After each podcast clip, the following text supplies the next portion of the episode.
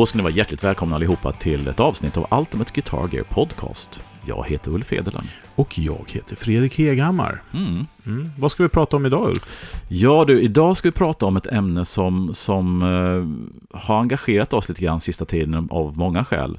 Uh, jag kommer inte, vad, vad, ska vi kalla avsnittet? Uh, The Future is Female. Just det. För vi läste en bra artikel helt enkelt i Guitarist. Ja. Och om alltså, kvinnor, icke-binära personer eh, i gitarrvärlden. Mm. Vilket är lustigt att man ska sätta ihop det. Men, men mm. det är en annan fråga. Vi ja. kommer med till det. Så. Ja, Vad ska vi ja. prata om mer? Vi ska prata om eh, en effekt som Dimension-effekten, som kan man väl säga var Boss Roland som som gjorde någon, någon ny grej av, så att säga, som är det som följs att prata om. Just det, och sen ska vi skjuta torpeder ja. med Captor X. Captor X i veckans pryl. Mm. Så häng med. Jag tycker vi kör igång. Ja. Eh, den, här, vars, den här artikeln som vi pratar om, mm. The Future is Female. Ja. Eh, den handlar ju lite grann om eh, ett, ett, fenomen just nu som är fantastiskt roligt. Ska vi säga. Det är en rörelse som har dragit igång där det är fler det blir fler kvinnliga gitarrister mm. än någonsin. Ja. Roligt. Och, och det känns som att, att det här... Uh, det här med gitarr, alltså det här med gitarr och gitarrnörderi och allting sånt, att det har ju varit lite grann, så länge jag har hållit på med har det varit ganska exklusivt en manlig klubb för lite grann inbördes beundran. Och eh, det som sker nu är ju att Tydligen var det redan för några år sedan var det så att över hälften av alla nya gitarrister var, var kvinnor. Och ja. eh, tjejer och kvinnor som har börjat spela och som fortsätter spela och som lite grann driver eh, intresset och utvecklingen av instrumentet. Verkligen. Mm. Eh, och man pratar ju om då, det är ju framförallt sociala medier som har ändrat på det här lite grann. Mm. För, eh, och vi ska prata mer om det här såklart, nej men det, det är ju då att de här jättarna, alltså tillverkarna, mm. har ju i, i ja, mer eller mindre 100% bara liksom visat män mm. som spelar. Med mm. några få undantag, mm. såklart. Men i och med då att sociala medier då demokratiserar rätten att få nå ut, kan man väl säga. Ja. Det ligger eh. inte bara händerna på stora företag med nej, marknadsföringsbudget. Nej, och influenser mm. blir stora hit och dit. Och på, vi har YouTube och sånt. Men framförallt så har TikTok, den här appen då, som många ungdomar använder, har då eh, en drivande faktor till att fler kvinnor spelar gitarr. Mm. Eh, för att det, eh, det, de kallar det för TikTok, eh, the guitar TikTok effect. Okej. Okay. Mm. Mm. Så det är ett fenomen som, som har liksom boostat på det här. Mm.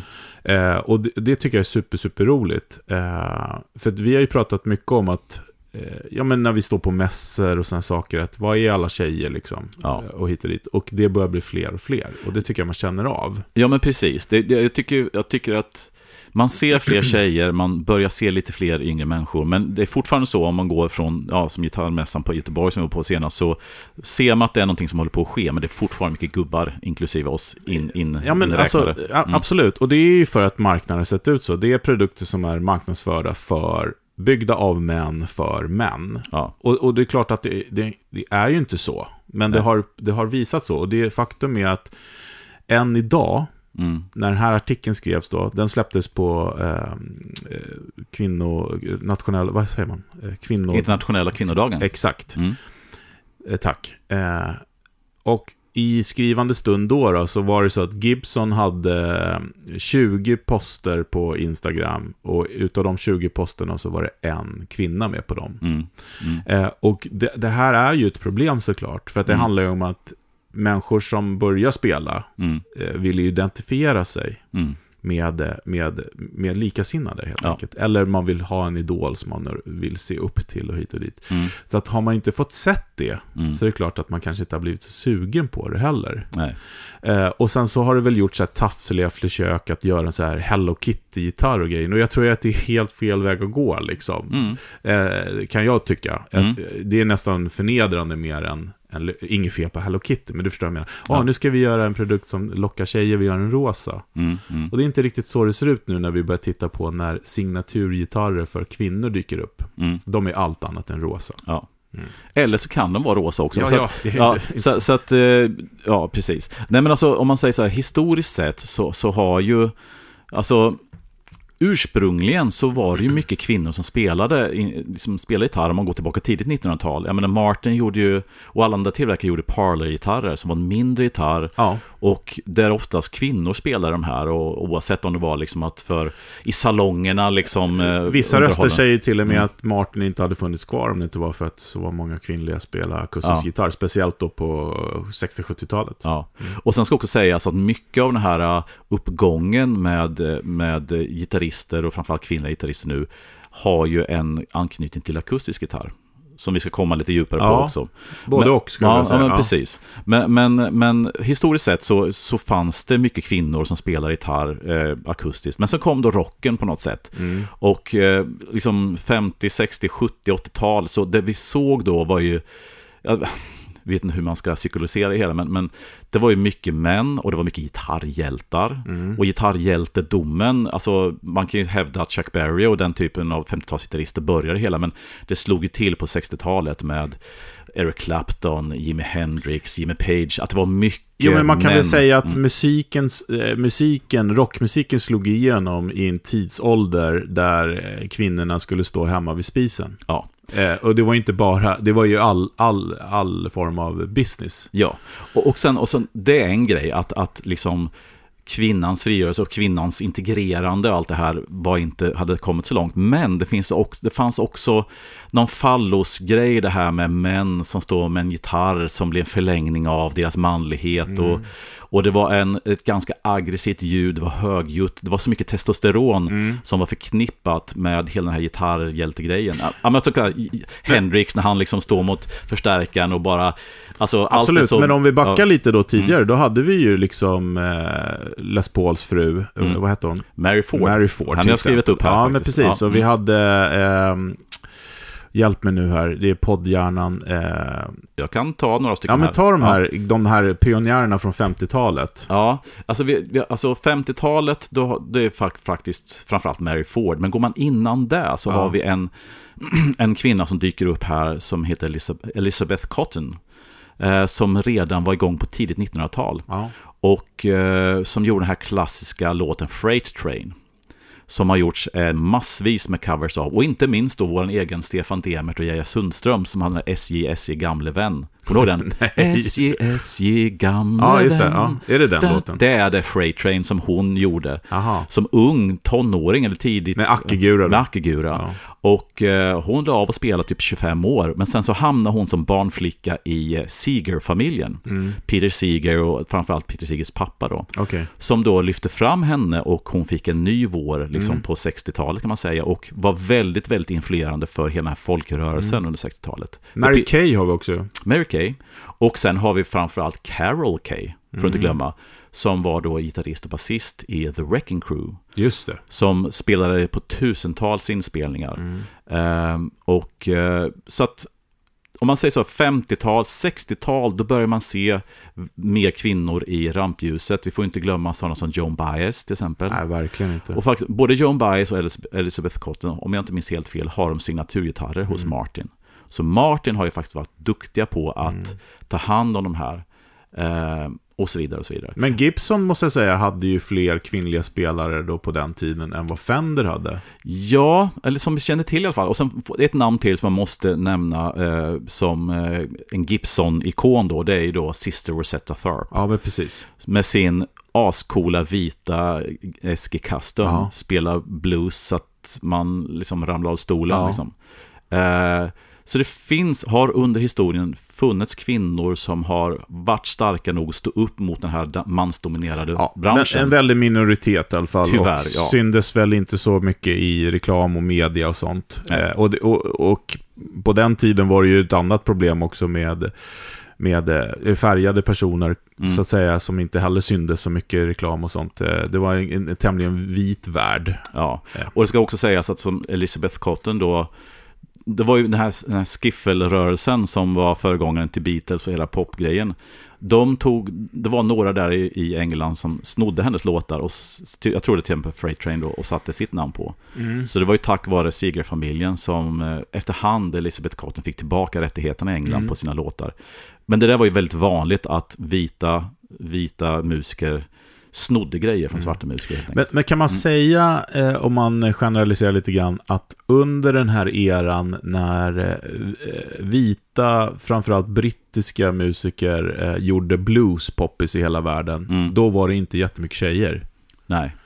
Under Det- den eran. Alltså Clapton-eran om vi säger så. Ja, nej, men precis. Nej, det var ju väldigt... Stones och det. Ja, det finns, det, alltså det har alltid funnits Ja, kvinnliga självklart. musiker och kvinnliga band, men de hamnar väldigt mycket i skymundan för, för hela den här, den här British Wave, Ja. alltså det här liksom, är ju väldigt, väldigt mansdominerat. Det är ju det är män som står med gitarrer och Ja. spelar och gitarrdominerat, mansdominerat helt Ja. enkelt. Ja. Men, eh, vilket är li, lite lustigt också för att, eh, jag menar hela singer-songwriter-grejen, men den kom Mm. väl mer med den folkrörelsen på 70-talet då kanske, 60, slutet på 60-70 när liksom, eh, jag menar började Joan Jett och det gänget, Alltså, om, om, Lita om, Ford och de här. Ja, det är, det är slut på 70-talet. Men om Ja. man, om man 60-tal, slut, mitten, slutet på 60-talet så fanns det den här folkrörelsen.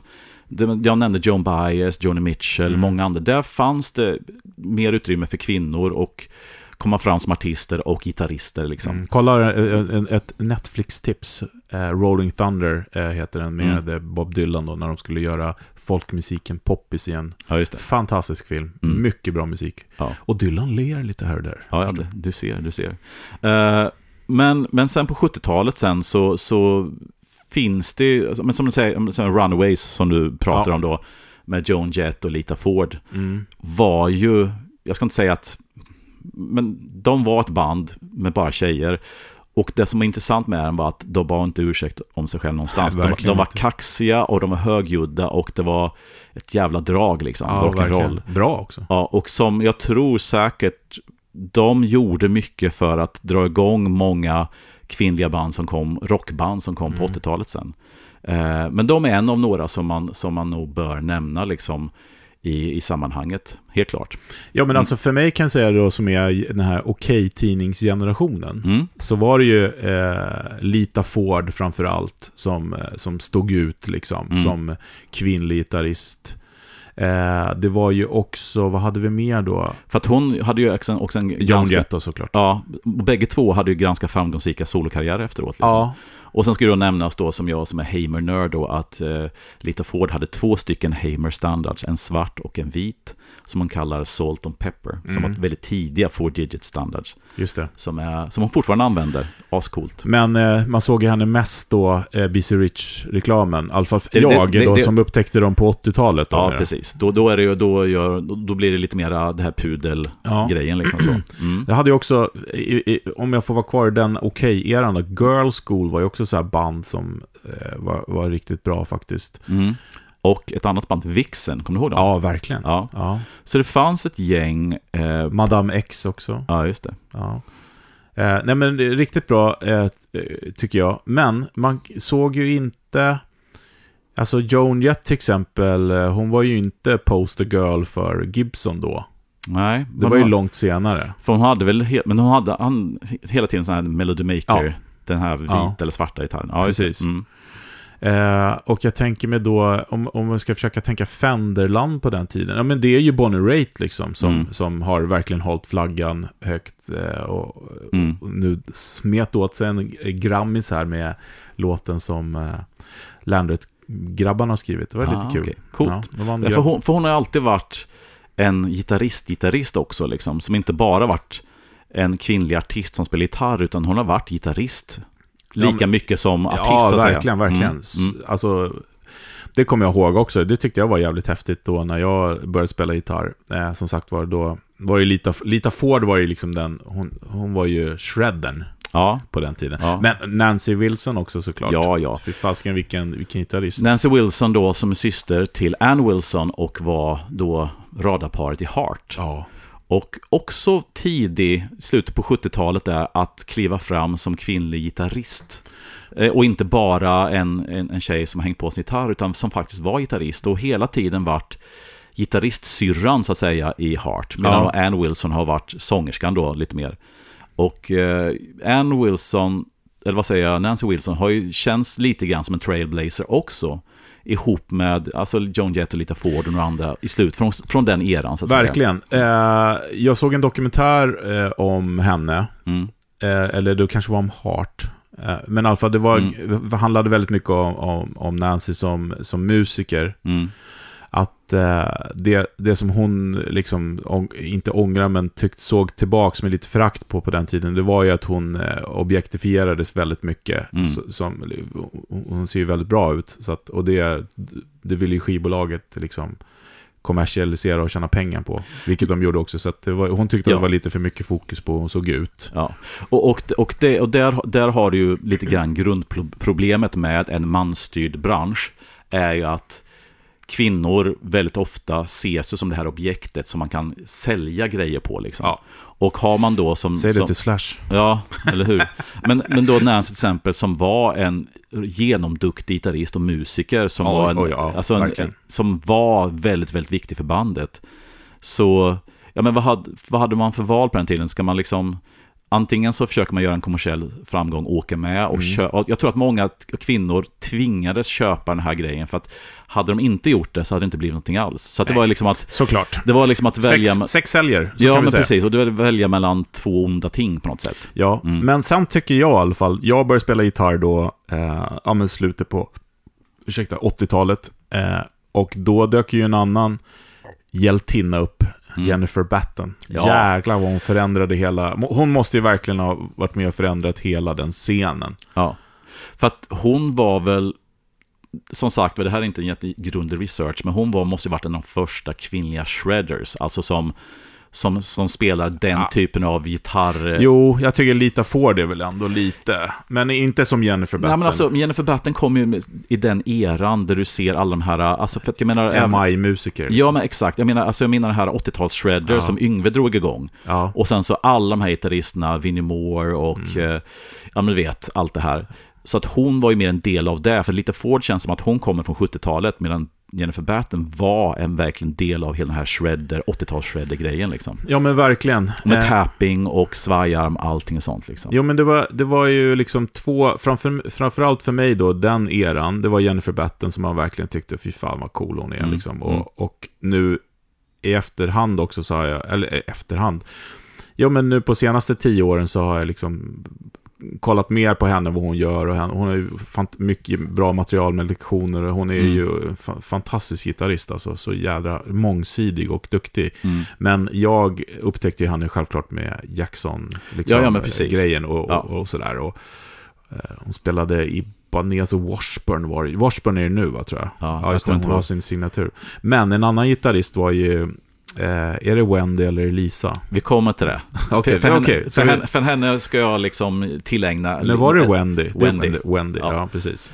Henne vill jag tillägna lite mer tid. Av, Ja, men du kör nu. Ja. Ja, Vi, ja, men vi, är väl inne på den tidseran? Ja, Purple precis. Rain. Ja, men precis. Och det kan jag göra, absolut. Ja. Alltså, eh, Wendy då, som var en del av Wendy och Lisa, så jag tror att det var så att, jag vet inte om de spelade ihop och sen så upptäckte Prince dem och sen så blev de med i, i hennes band, eller hans, hans band, förlåt. Eh, och eh, Wendy Melvoin, som hon heter. Och eh, jag kommer ihåg att jag såg, för de var ju alltid med liksom i de här Purple Rain-videosarna, Ja. de var en del av hela scengrejen. Och som ung, dum man, så, så, som jag tror tyvärr, på, framförallt på den tiden, att vi män oftast tyckte att ja, men de var ju liksom en så här kuttersmycke, en snygg, en snygg liksom så här, du vet, snygga tjejer på scen och sen egentligen Prince som gör allt och så. Eh, som jag kan tänka mig att tyvärr många män tänkte. Så att, men jag, jag har upptäckt att Wendy är ju en skitduktig gitarrist. Och eh, Verkligen. ganska nyligen så såg jag en video där hon sitter och pratar med eh, Mason Margiela. Mason Margiela och där hon då återskapar eh, ljudet från, från en av de kanske en av de absolut största låtarna genom tiden, alltså Purple Rain Ja. med Prince. Och det var hon som både spelade och arrangerade de här fantastiska Ja. introackorden med det här chorus-soundet. På sin Rickenbacker. Ja, som på något sätt blev ledmotivet för många gitarrljud under hela 80-talet. Det satte lite grann, när kom den här plattan? 81-82 någonstans? Va? Det satte väl lite grann tonen för hur ett gitarrljud lät under större delen av 80-talet. Mycket chorus. Nej, jag och- kommer aldrig... Jag, Mm. Nu reser sig håret på mina armar. Jag kommer aldrig glömma när jag eh, hörde den låten första gången. Mm. Så jävla mäktigt intro alltså. Ja. Så att så Wendy hade en ganska stor del i gitarrliret, gitarrljudet och gitarrarrangemangen för Prince tidiga Mm. plattor. Eh, någonting som jag inte upplever att hon egentligen fått cred för så mycket, men som hon i allra högsta grad hon är en gigant tycker jag inom pop och rock Verkligen. gitarrliret. Från... Och fortfarande verksam. Ja, absolut. Ja. Och sen så är det, för att jag menar, det är så roligt med en del gitarrister att man hör grejer och sen fastnar det och sen så kan man inte riktigt släppa det för att det är så bra lirat och det, det är någonting så här, och så, som sagt, sagt, intro på Purple Rain 1. Men en annan grej som jag, fan vad det här låter bra, så bra lirat liksom. Jag vet inte vem det är, men det, det är en grej som har fastnat. Och sen så när jag tog reda på, fan, vem är det här, vad är det för någonting? Så är det Wendy, och det är en, eh, nu ska vi se om jag hittar, det är alltså Sheryl Crow-låten Favorite Mistake. Okej, ja. Eh, lyssna på den. Mm. Där har ni, alltså, och det är ett helt annat ljud än Purple Mm. Rain. Det är det finns många snack om vad det är för någonting, men jag tror det är en Les Paul genom en Blues DeVille. Mm. Det här lite halvkrunchiga, Tom Petty-liknande. Eh, Charles Crown är inte, så fiskig på nej, heller. hon är också en väldigt bra artist och gitarrist. Ja. Eh, men Favorite Mistake från eh, The Globe Sessions, jag tror det är Sheryl Crows tredje platta. Lyssna på introt, lyssna på hur hon kompar hela låten. Mm. Och det är, det, är alltså, det är alltså textboken 1A i bra ljud, bra komp, spela för låten, lyft låten, men lyft också ditt eget lir. Mm. Och det är också Wendy som spelar den. Och, eh, nej men hon är, hon är för mig inte bara en bra kvinnlig gitarrist, utan hon är en av mina favoritgitarrister, Ja. punkt slut Ja, faktiskt. ja, men äh, Batten också, Jennifer Mm. Batten, och hon har ju också spelat på mängder med inspelningar och sånt som studiomusiker, så hon är också att, att eh, lyssna på och titta på. Och Mm. Nancy, eh, helt enkelt, som vi sa. Ja. Men om, man, om man kollar då moderna gitarrister då? Är snack, nu har vi snackat mycket historia, Ja, vår, men alltså våran uppväxt Exakt, och sånt. och det, det här handlar ju, det här är ju inget namedropping-avsnitt på sånt, utan vi pratar om det här fenomenet att flera kvinnliga gitarrister, eh, det blir fler och fler och fler kvinnliga gitarrister, vilket är jätte, jättekul. Mm. Men modern tid, eh, absolut. Nita Strauss kan man ju inte, alltså... Mm. Eh, hon är ju eh, riktigt, riktigt grym shredder-gitarrist. Spelar Mm. med Alice Cooper bland annat. Hon har Ja. varit ute med, med andra, gitarrist, eh, andra eh, artister också. Men hon slog igenom med, med Iron Maidens. De gjorde ju Iron Maiden-covers.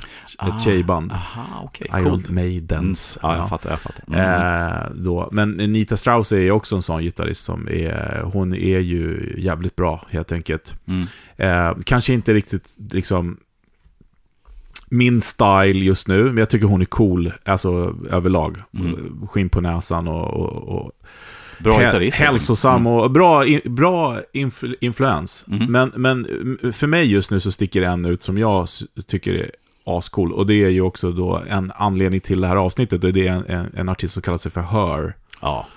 Ehm, så har kört hela den här, typ som Prince-grejen, hon har inte gått ut med vad hon heter. Eh, nu ha- har det släppts, men jag kommer, jag kommer inte ihåg vad hon heter. Men hon är så här Prodigy Child, alltså som Ja. spelar allt. Och, och spelar. Men hon har ju fått sin signaturgitarr från Fender, Mm.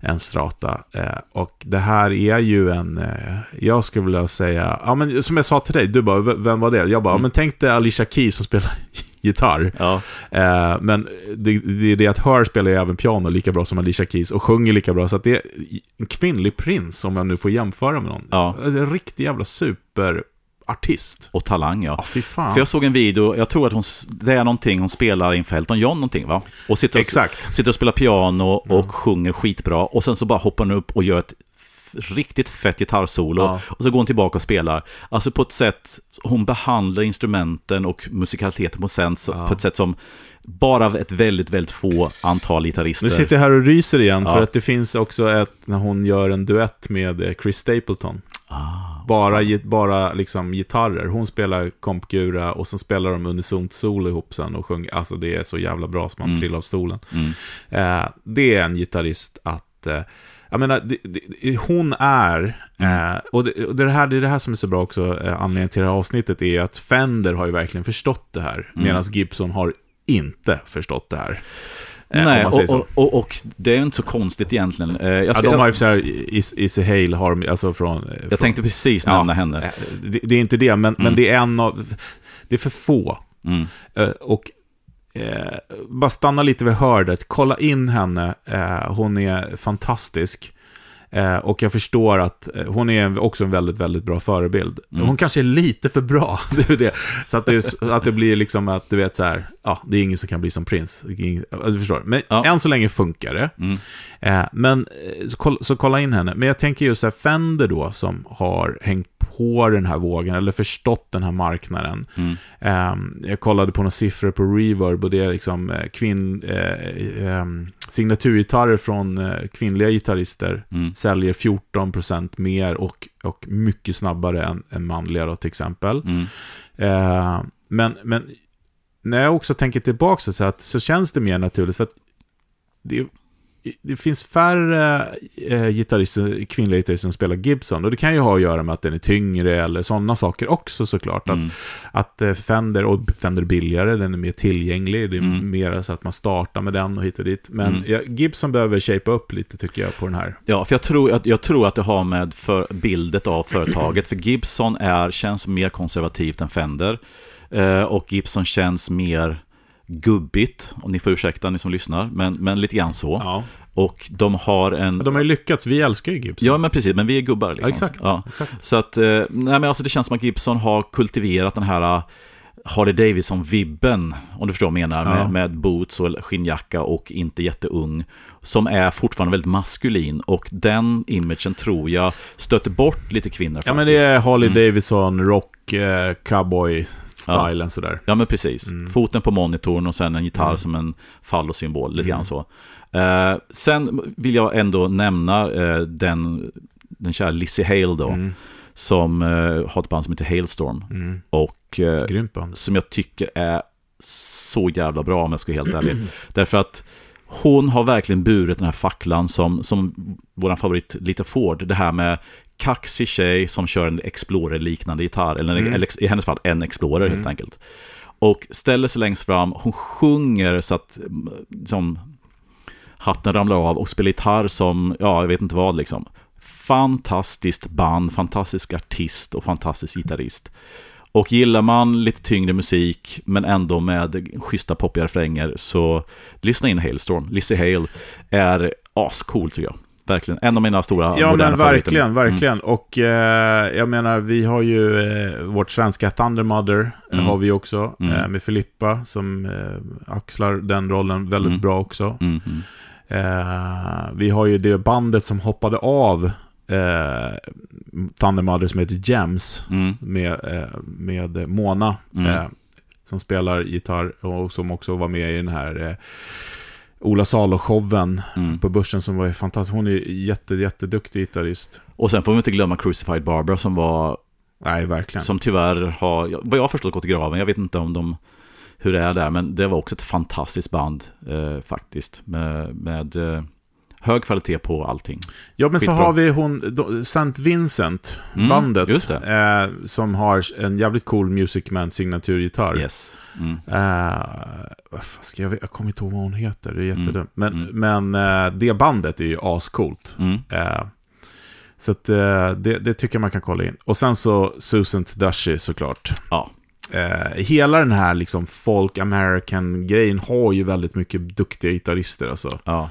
Men hon sticker ju ut då. Eh, eh, Tadashi Trucks då pratar jag om. Alltså, Mm. Och, sen, och sen får vi faktiskt inte glömma kanske en av den absolut, absolut viktigaste kvinnliga artister som har drivit den här moderna vågen lite grann också. Tillsammans med Her, och det är Taylor Swift. Exakt. Det, Eh, och och vi höll, jag höll på att glömma henne, men, men hon har ju... Alanis Morissette kommer också upp i de här grejerna. Jag har aldrig Mm. sett henne som gitarrist, det är Nej. lite lustigt. Men, men hon nämns i den här artikeln. Mm. Och när de säger det så, så, så köper jag det. Ja, Liksom. ja. Eh, Men, men alltså Taylor Swifts totala kommersiella genombrott som en tjej som ett stort föredöme för andra tjejer och att hon spelar gitarr och jag tror att hon man ska inte säga ensam, men hon har en stor del i hela den här explosionen av tjejer som vill spela akagura och, och uh, sjunga och spela. Liksom. Mm. Så Taylor Swift, och, och där har man just det här som vi snackat om, ha förebilder som finns på näthinnan i sociala medier och kommersiellt Mm. är superviktigt för att man ska kunna identifiera sig med någon och ta upp det och göra samma sak som de gör. Ja, men på samma sätt som vi är uppvuxna på vår tid med då tyvärr bara nästan manliga förebilder. Men hon är en jättestor, eh, Ja. viktig del av modernt Absolut. gitarrlir. Och sen så finns det ju också då det här YouTube-fenomenet, Instagram-fenomenet, Mm. eh, som har hjälpt också väldigt mycket gitarrister, inte Mm. bara manliga utan kvinnliga också. Mm. Eh, till exempel Larry Bassi heter hon va? Mm, just det. Eh, brasilianska Ja. som... Eh, Eh, Och Sir... Eh, nej. nej, Ibanez är hon. Ibanez, Hon har gått över okej. till Ibanez. Ah, okej, hon, okej. hon var Sir först, men Mm. hon, hon gick över hela den här vågen. Ja, just det. Det har vi inte pratat så mycket om. Men det, jo, det har vi visst gjort ett avsnitt om. Den här Ibanez-vågen de sköljde in och Josh Smith och alla de här Ja, jo, jo, det över. har vi Ja, absolut. precis. Signaturgitarrer. Så hon åkte så. med Mm. den grejen. Hon har en eh, lila... Eh, Du fick det med Josh Smith i, i även det här avsnittet. Hur du lyckades med det. Jo, Ja, ja, ja, men, eh, ja. precis. Eh, jag fick det. Ja, ja grattis.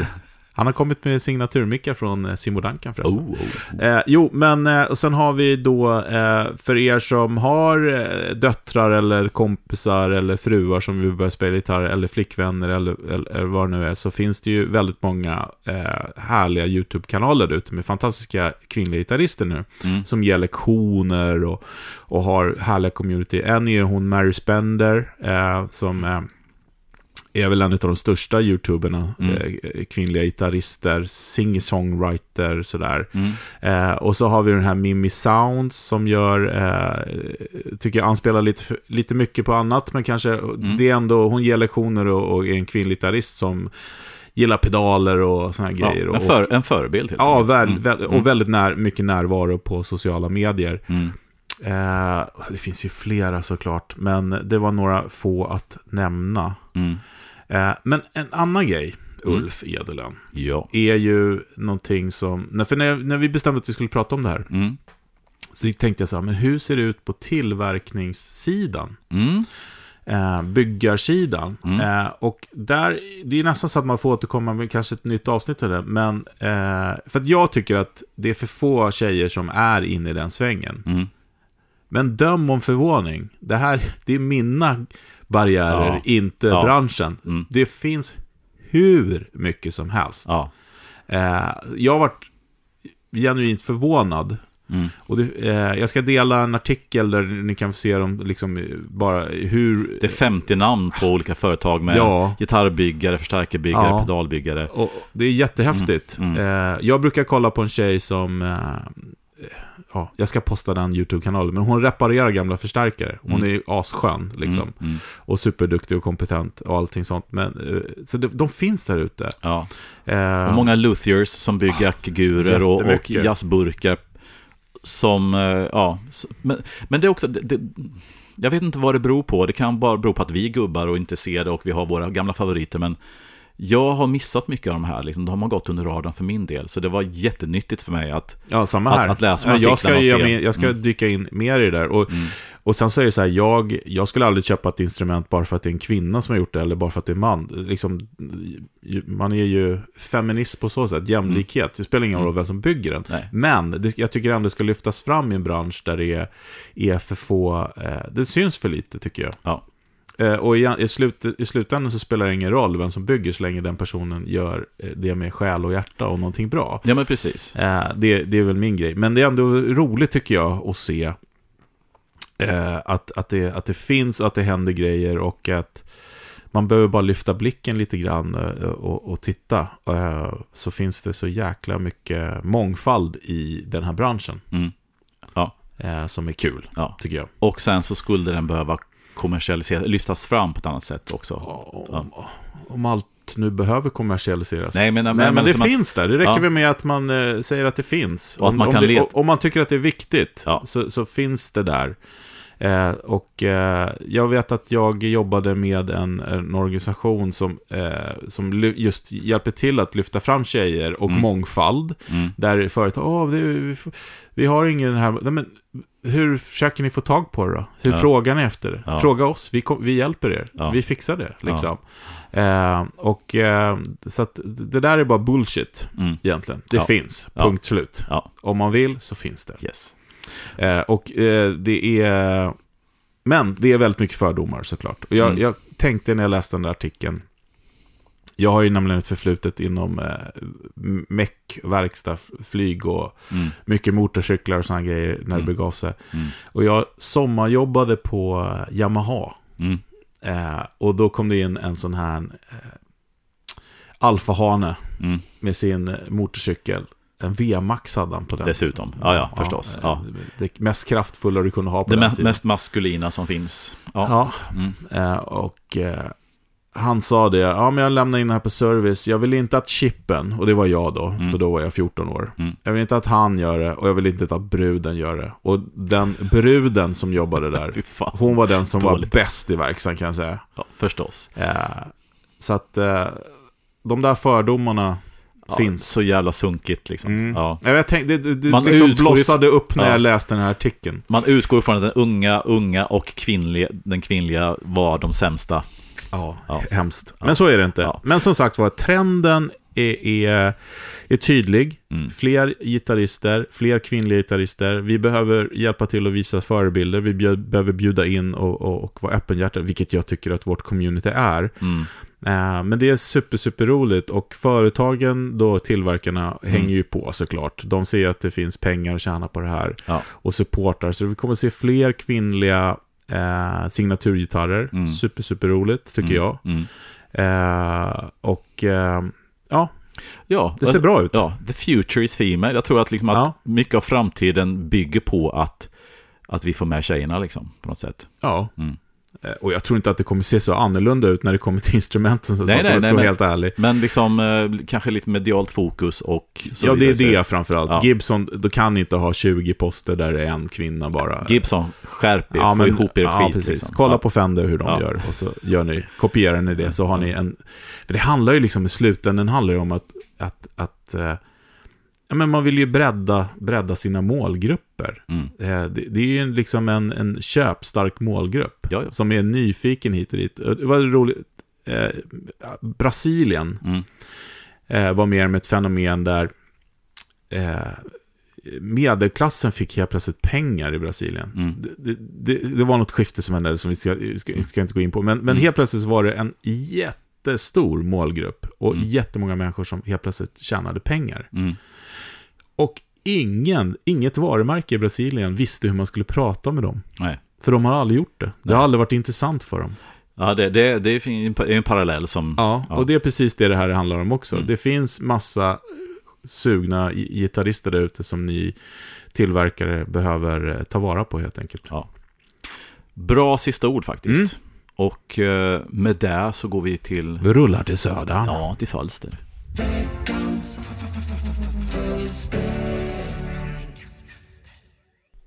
Då ska ni vara hjärtligt välkomna till Skåne. Eh, för några veckor sedan så snackade jag om loppisen i Malmö och att jag fond, eh, fondade, jag fyndade ett Boss Digital Dimension och att jag skulle återkomma kring Dimension-effekten. Så ja, nu kör vi. Den här veckan kör vi. Dimension Chorus har sitt ursprung i Roland-rackburken SDD 320 Dimension D från sent 70-tal. Den gör chorus men på ett lite annat vis än man är van vid. Vanligt korus funkar som så att man har sin torra signal plus en fördröjd signal där fördröjningen moduleras upp och ner. Eh, man får alltså en vibratorsignal. De här två signalerna blandas och då blir det ett korus. Det vet vi sedan för, jag har sagt det för, alla har sagt det för. Dimension-effekten lägger till en till fördröjd signal, en till vibratorsignal om man så vill, där modulationen är motsatt mot den andra. Det vill säga när den ena modulerade signalen går upp så går den andra ner. Eh, och det gör att den annars rätt tydliga vågrörelsen i koruset försvinner. Jag ska inte säga, ja, jo, nu säger jag att den försvinner. Det gör den ju inte, men den upplevs inte på samma sätt eftersom att det tar ut varandra lite och effekten mer, blir mer av någon slags bredd, glitter och djup istället för ett faktiskt korus. Ett korus för folk som inte gillar korus kanske. Ehm, den här effekten har använts massor i studios genom åren. Både på inspelningar man tänker att det typiskt skulle kunna vara den här typen av sound, men också på inspelningar som inte man tänker är så typiskt för det här.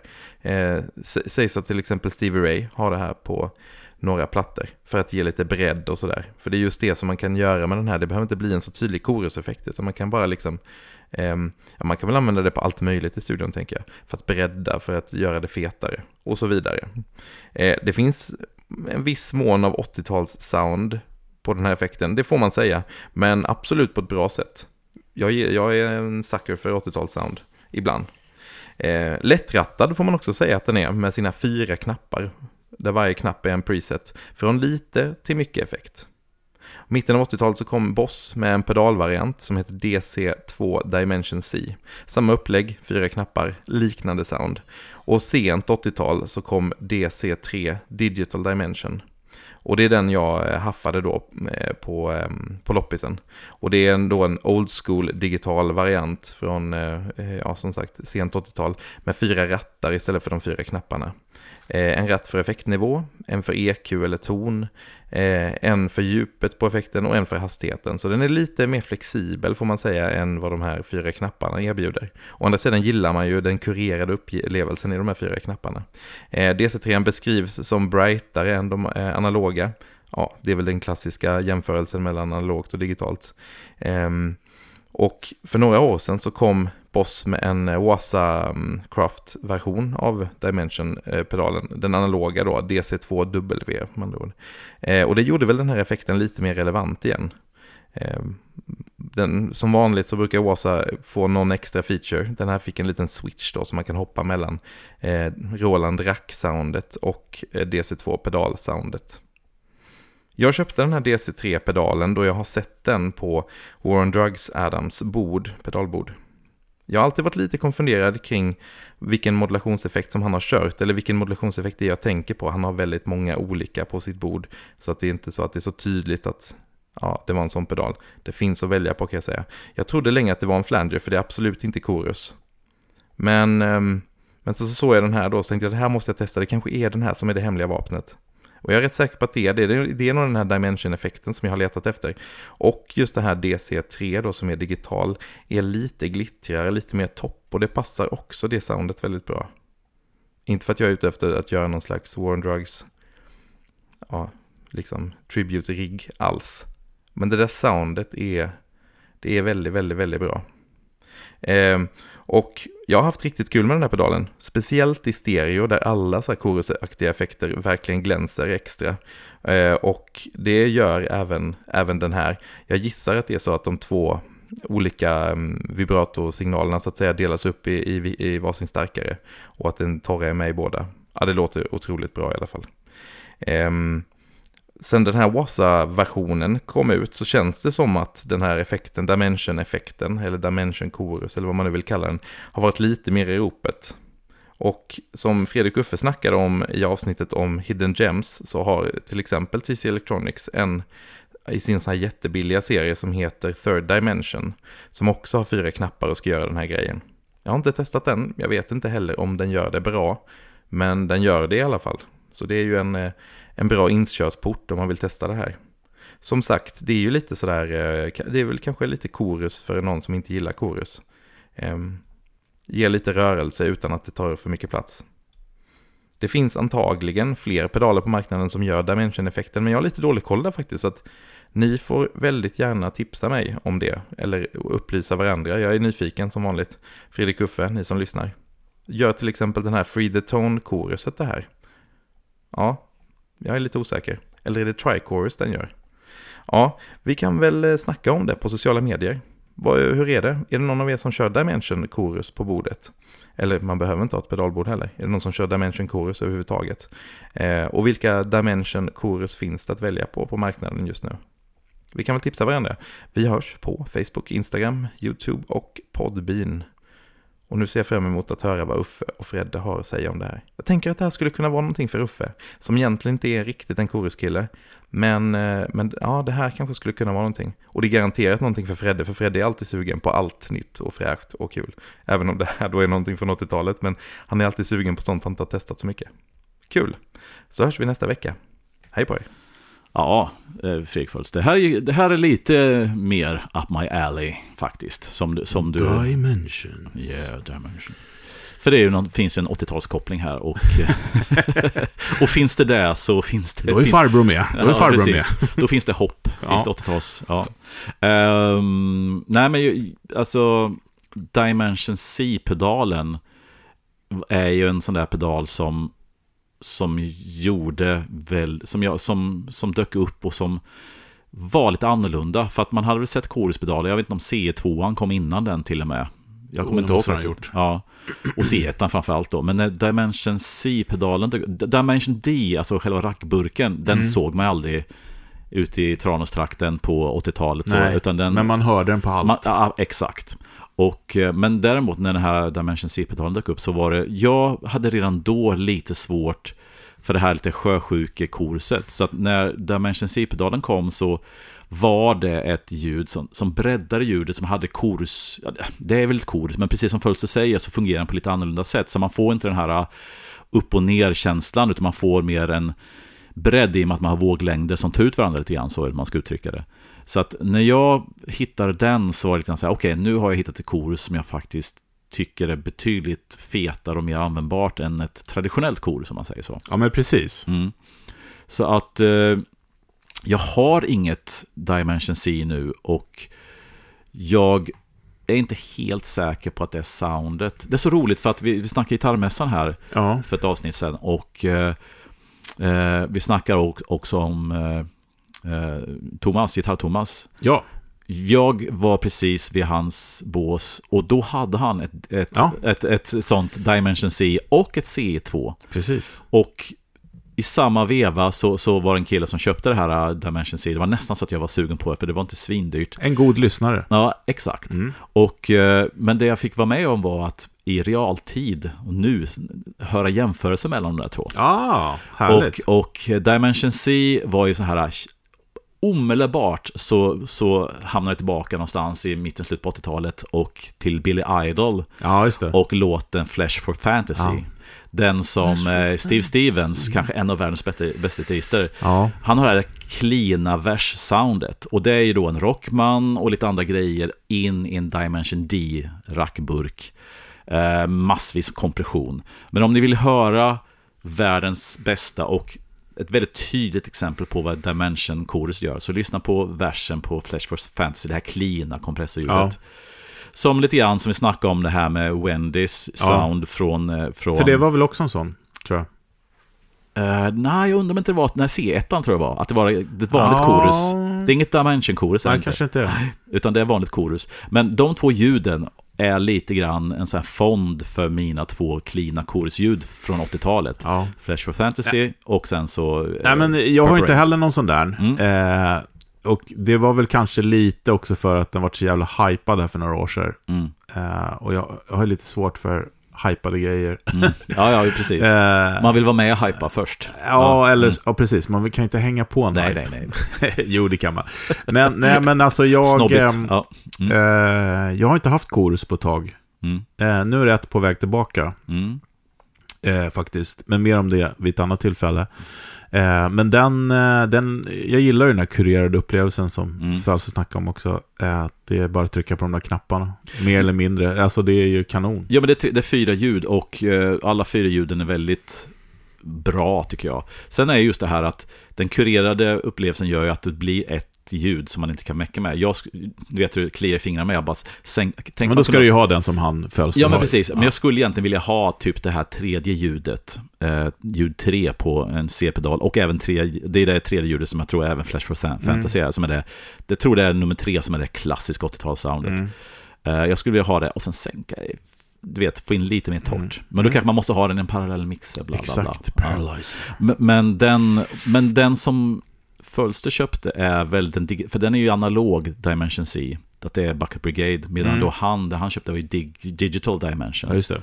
Så den är ju lite annorlunda, men eh, Mm. generellt sett så föredrar jag Dimension-soundet framför det klassiska Chorus-soundet. För det, när vi gjorde den här jämförelsen på mässan så lät Dimension lite mer glittrigt, lite mera fett, medan C2 lät traditionellt Chorus. Jättebra också, men Precis, Mm. och jag tror att följs det frågor om den här, eh, vad heter den? Eh, Free the Tone. jag, den? Jag är nästan säker på att den gör Dimension. Jag är nästan säker på att den gör Tree Chorus. Men den kanske gör både och. Ja, Tree Course, jag blandar ihop. Ja, Det Jag- gör rätt jag i. tror att ja, det är det mer- har du helt rätt i. jag tror det är mer liksom... Nej, jag det här blandade ihop det. Ja. Jag visste att det var något sånt... eh, 80-tals. Ja. Ja, exakt. det är Landau-grejen den gör.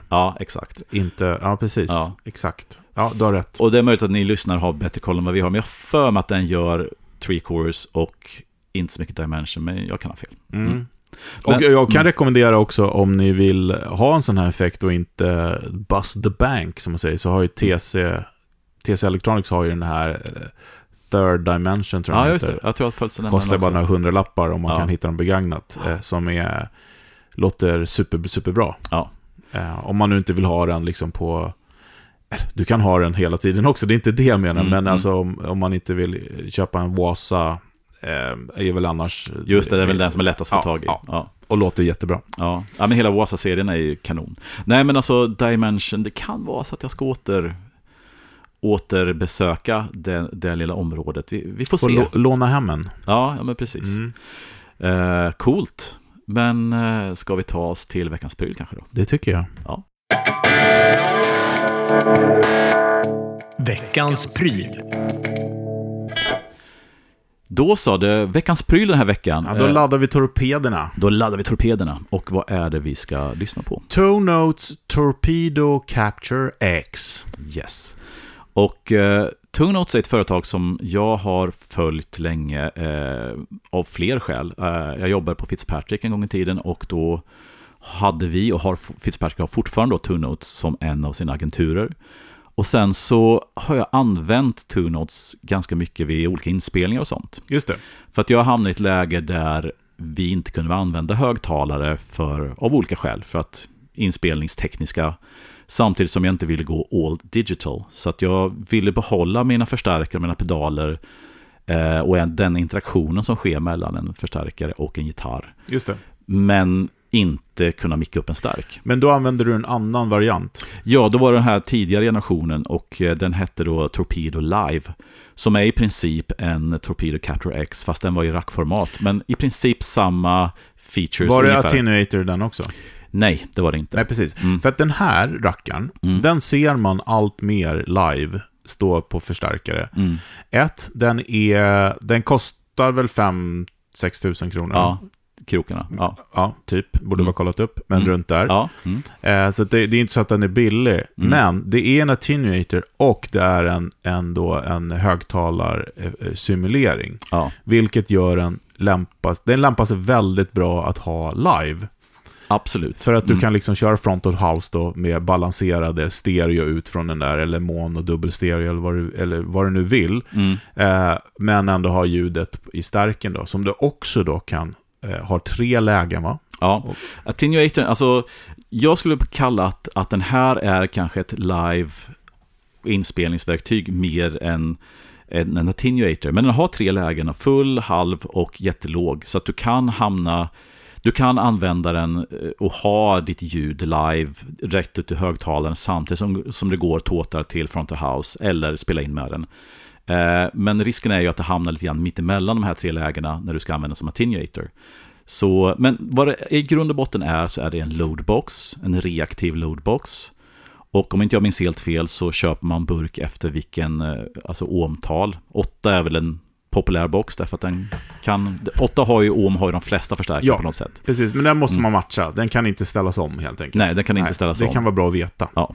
Så att den har en, en reaktiv last, vilket är med du kan köra in eh, från alltså högtalarutgången på en förstärkare in i den och sen så därefter kan du göra vad du vill med den. Antingen rätt ut i en högtalare eller då så går den via eh, från den här lasten till en converter så konverteras den digitalt och sen går den in i en IR-spelare. Alltså en eh, Med ett enormt bibliotek. Ja, eh, alltså en, en digi den digitala delen som helt enkelt är högtalardelen. Så eh, högtalare i form av IRs då, Mm. Impulse Responses. Och eh, man kan då med deras remote mjukvara styra den och jobba med den och byta i högtalare. Och, Mikrofoner, Ja. flytta bort närmare hit och dit. ja. Ja. Så att loadbox och IR-spelare i grunden är vad den gör.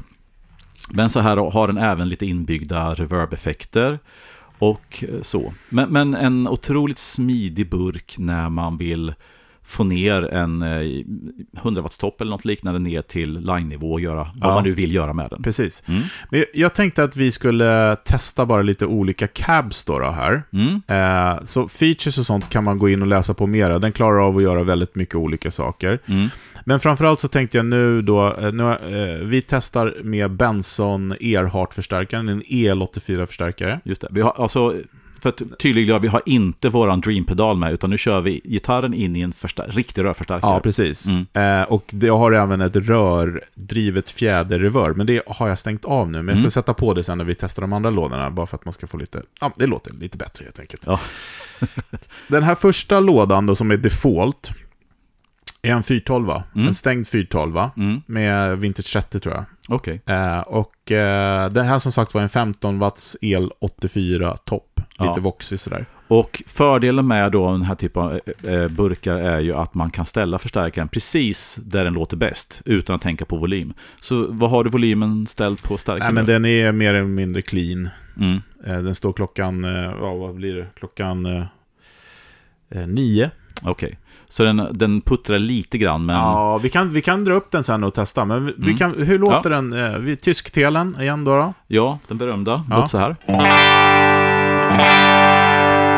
Så det här är förstärkaren bara rakt.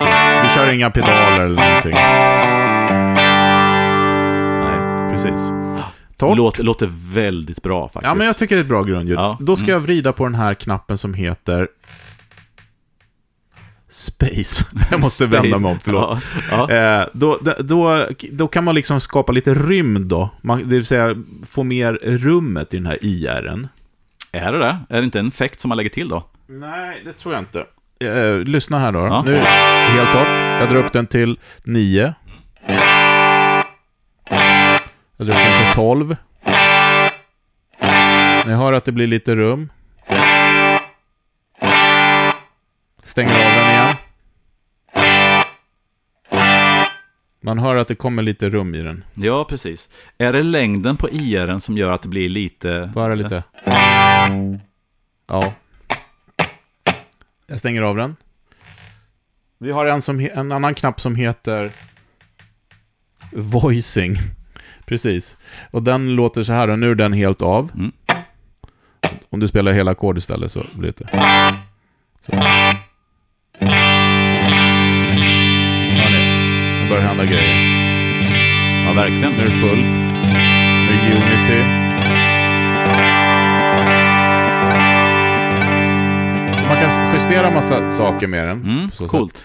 Jag Mm. lägger till lite reverb då från eh, min, min Benson Tallbird. Ja, Som ligger då innan stärken. så nu kör vi gitarren in i stärken, eller gitarren in i tallbirden, in i stärken, in i Captor X, är det så? Precis. Ja. Och det här är då 412 som sagt var. Jag ska byta till, den låter så här. Mm.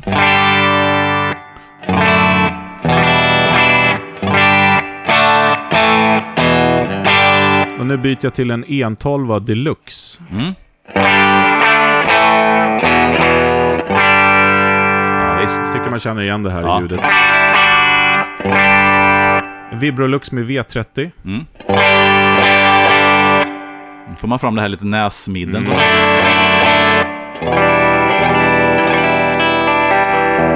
Jag tar en, en eh, 212 som heter Eddie. Mm.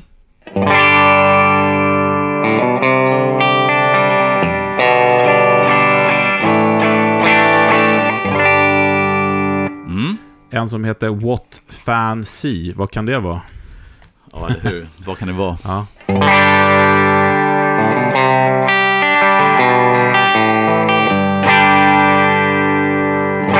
Den tyckte jag om. Den var så här lagom rund. Ja, och- den var riktigt ja, bra. Mm. 410 här då. Mm. Eh, en har, kommer här. Ja. ja, den var god. Och det känns ju när man spelar också att det är en Ja. annan respons helt Ja, enkelt. absolut. Vi tar en eh, eh, 412 med Vintage C heter den. Mhm. Låt.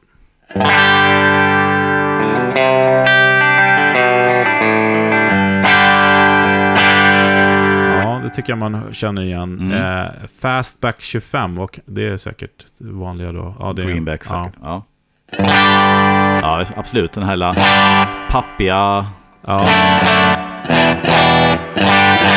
Så där är lite av de presets. Men jag kan gå in Mm. också då. Torpedon har då eh, massa olika eh, som man kan liksom välja då. Vi har... Eh, vad ska jag ta det här då? Eh, lead Warm Humbucker. Det är inte bara... Alltså, ja, ni kommer få höra. Spela först nu då. Ändrar ganska mycket. Mm, verkligen.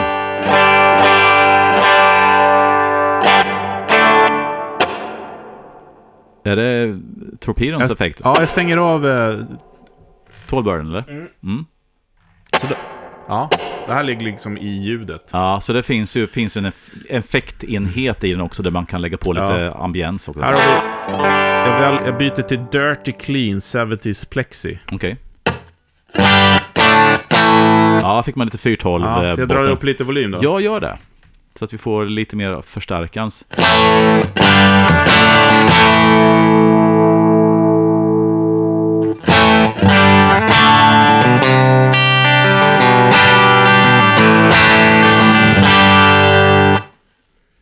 Ja, det crunchar på lite. Ja, lite, lite mycket låg-mid-bas där. Vad händer om man tar typ... ska- Så har, om jag har eh, en som heter eh, eh, Vintage Rhythm 70s då, Crunchy. Mm, testa den.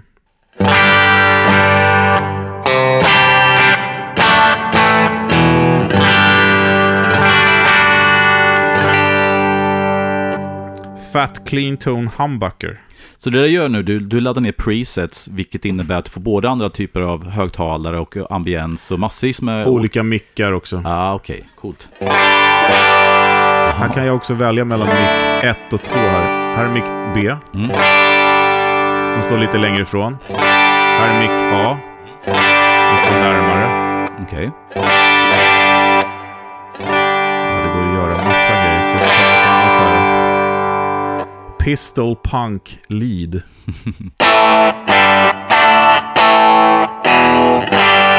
Ja. Det handlar ju mycket om vad man, stopp, vad man har för förstärkare. sagt. Den här är ganska ren den här. Mm. Ehm, vi tar en till då bara. Mm. Blues Breakup Single Coil. Okej. Ja,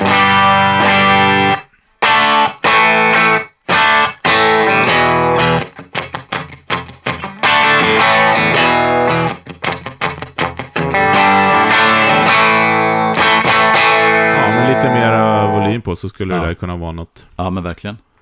Alltså, det, det kanske är svårt att, när, man, när ni sitter och lyssnar på det, att höra skillnaden på det vi gör nu gentemot det vi gör med Dreamen. Men för mig som sitter och spelar här så tycker jag att det känns... Alltså Dreamen är en skitbra pedal som gör allt, allt i ett. Eh, Man slipper släppa med en rörförstärkare och sånt. Men någonting med den här setupen där du har en riktig förstärkare som gitarren går in i, där hela ljud man säger interaktionen mellan förstärkare och gitarr är kvar i analog och dessutom ser en rörstärkare. Det är någonting i kompressionen. Jag tycker man ändå hör att det är lite en annan typ av kompression. Absolut. I det här Eh, soundet. och eh, nu, nu gör vi inte det demot, för ni får gå ut och kolla. Det finns hur mycket videos och grejer på det här som helst. Mm. Men eh, när man spelar med pedaler också, det, Mm. Alltså det blir ju din stärk helt enkelt. Ja.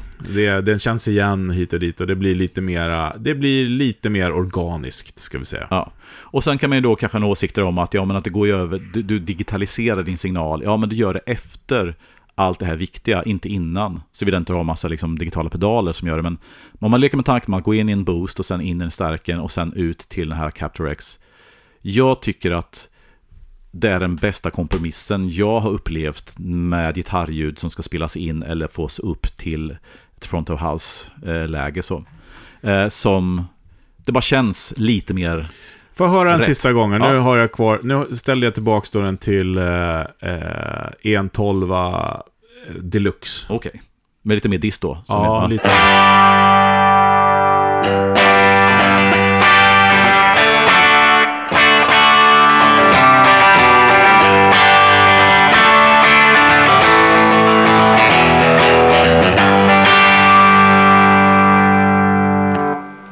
Det är Ett- så där det låter. ett Riktigt...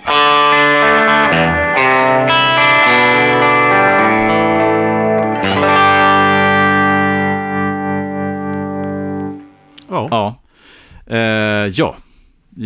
Jag älskar det här sättet att jobba på faktiskt. Det, det, Ja, men den är bra, den är smidig. Mm. Eh, och som sagt var, det just när man kör live också så är det ju så jävla nice att kunna, om man kör med ett stort fint PA, som sagt Ja. var, att få ut den här och kontrollera ljudet och slippa ha en massa mickar på scenen och hit och dit. Mm. Eh, utan ha ditt scenljud med högtalare och sen så den här till front of house. Mm. Hur bra som helst. Nej, varmt rekommenderat och jag tycker att det som jag upplevde med de här äldre burkarna, Studio tror jag den hette, och eh, Live då, har de lyckats distillera ner till en liten, liten burk som är billigare och minst lika bra. Ja, men som. absolut. För det är ju så eh, att eh, det finns andra produkter. Eh, Oxen till exempel, Mm. UAS. Absolut, Eh, som också Fitzpatrick säljer. Mm. Om jag inte, det är de Fitzpatrick som har den här. Ja, Eh, den kostar ju då fyra gånger så mycket. ja. Så att du får fyra sådana här. Mm. Så att om man, som jag då Det är som tre kör... gånger så mycket va? Tre gånger, Ja, okej. ja, ja. ja, Men på, många grän- på gränsen. Men jag som kör två starkare, jag måste ju köpa två oxar om Mm. jag ska göra det här live. Ja, Eh, då får jag två sådana här för ja, en, en tredje, eh, två tredjedelar av priset. Ja. Ja, typ så. Ja. Eh, bra grej. ja men verkligen. Eh, varmt rekommenderat. Och har ni funderingar på hur fan ska jag göra? Jag vill ha mina gamla stärkare, jag vill ha allt det här gammal, gamla, men jag kan inte micka upp en starkare, eller en högtalare. Eh, det här är jättebra. Yes. Yes. Ja, det var allt för denna gång. Tack för idag.